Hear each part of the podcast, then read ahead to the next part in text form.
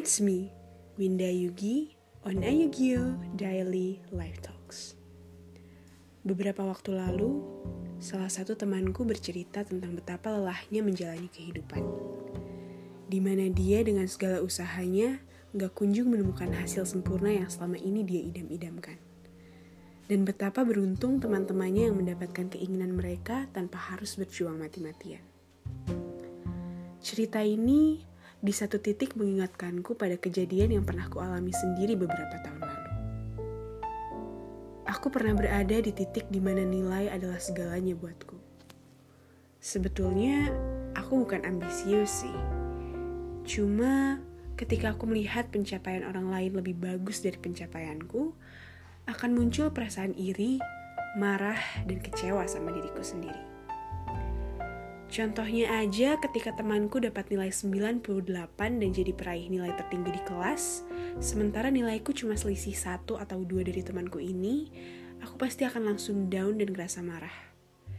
Aku jadi menyalahkan diriku sendiri, seolah bertanya-tanya, kenapa ya nilaiku nggak bisa lebih besar dari dia?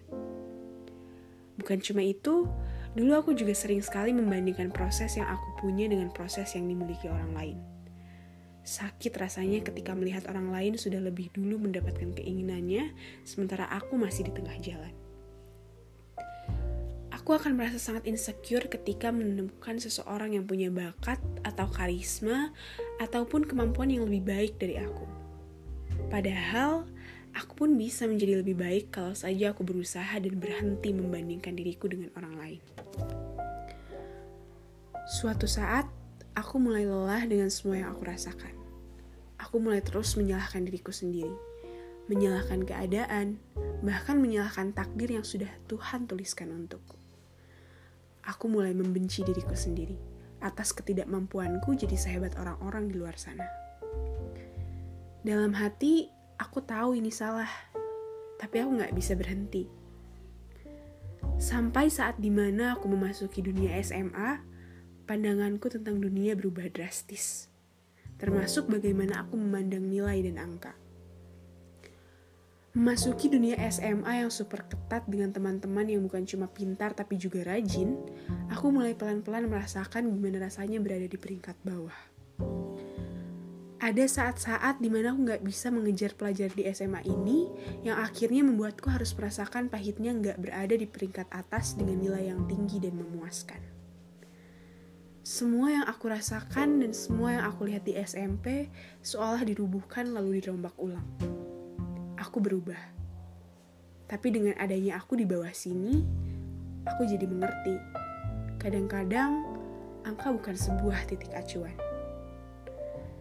Kadang-kadang angka atau kuantitas nggak menjadi sebuah alat penunjuk keberhasilan dan nggak selalu menjadi pemuas diri. Di lingkungan yang baru ini, aku bertemu banyak orang baru yang mengubah aku menjadi sosok diriku saat ini. Dulu, mendapatkan nilai yang besar mungkin bukan perkara sulit. Tapi aku gak pernah tahu caranya menjadi berkualitas.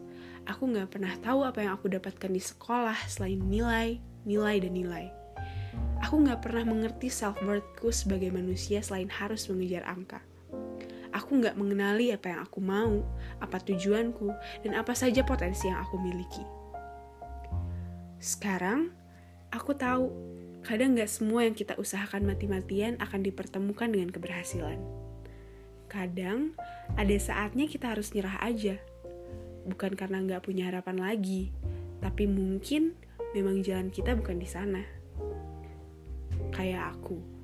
Soal fisika aku selalu lemah dan gak pernah bisa dapat nilai pas KKM meskipun udah belajar semalam suntuk. Awalnya aku ngerasa down karena gak bisa memenuhi standar yang diberikan oleh guruku. Tapi akhirnya, makin ke sini aku berpikir, oh, mungkin jalanku memang bukan di sini. Ada banyak jalan lain yang masih bisa aku usahakan. Di titik ini, aku sadar, kita gak akan pernah bisa membandingkan diri kita apa yang kita miliki, progres yang kita tempuh, dan hasil yang kita dapatkan dengan milik orang lain. Karena semua juga punya waktunya masing-masing untuk bersinar. Semua orang punya jalan hidupnya masing-masing. Kalau orang lain sudah berhasil dan kamu belum, sabar, nanti ada gilirannya.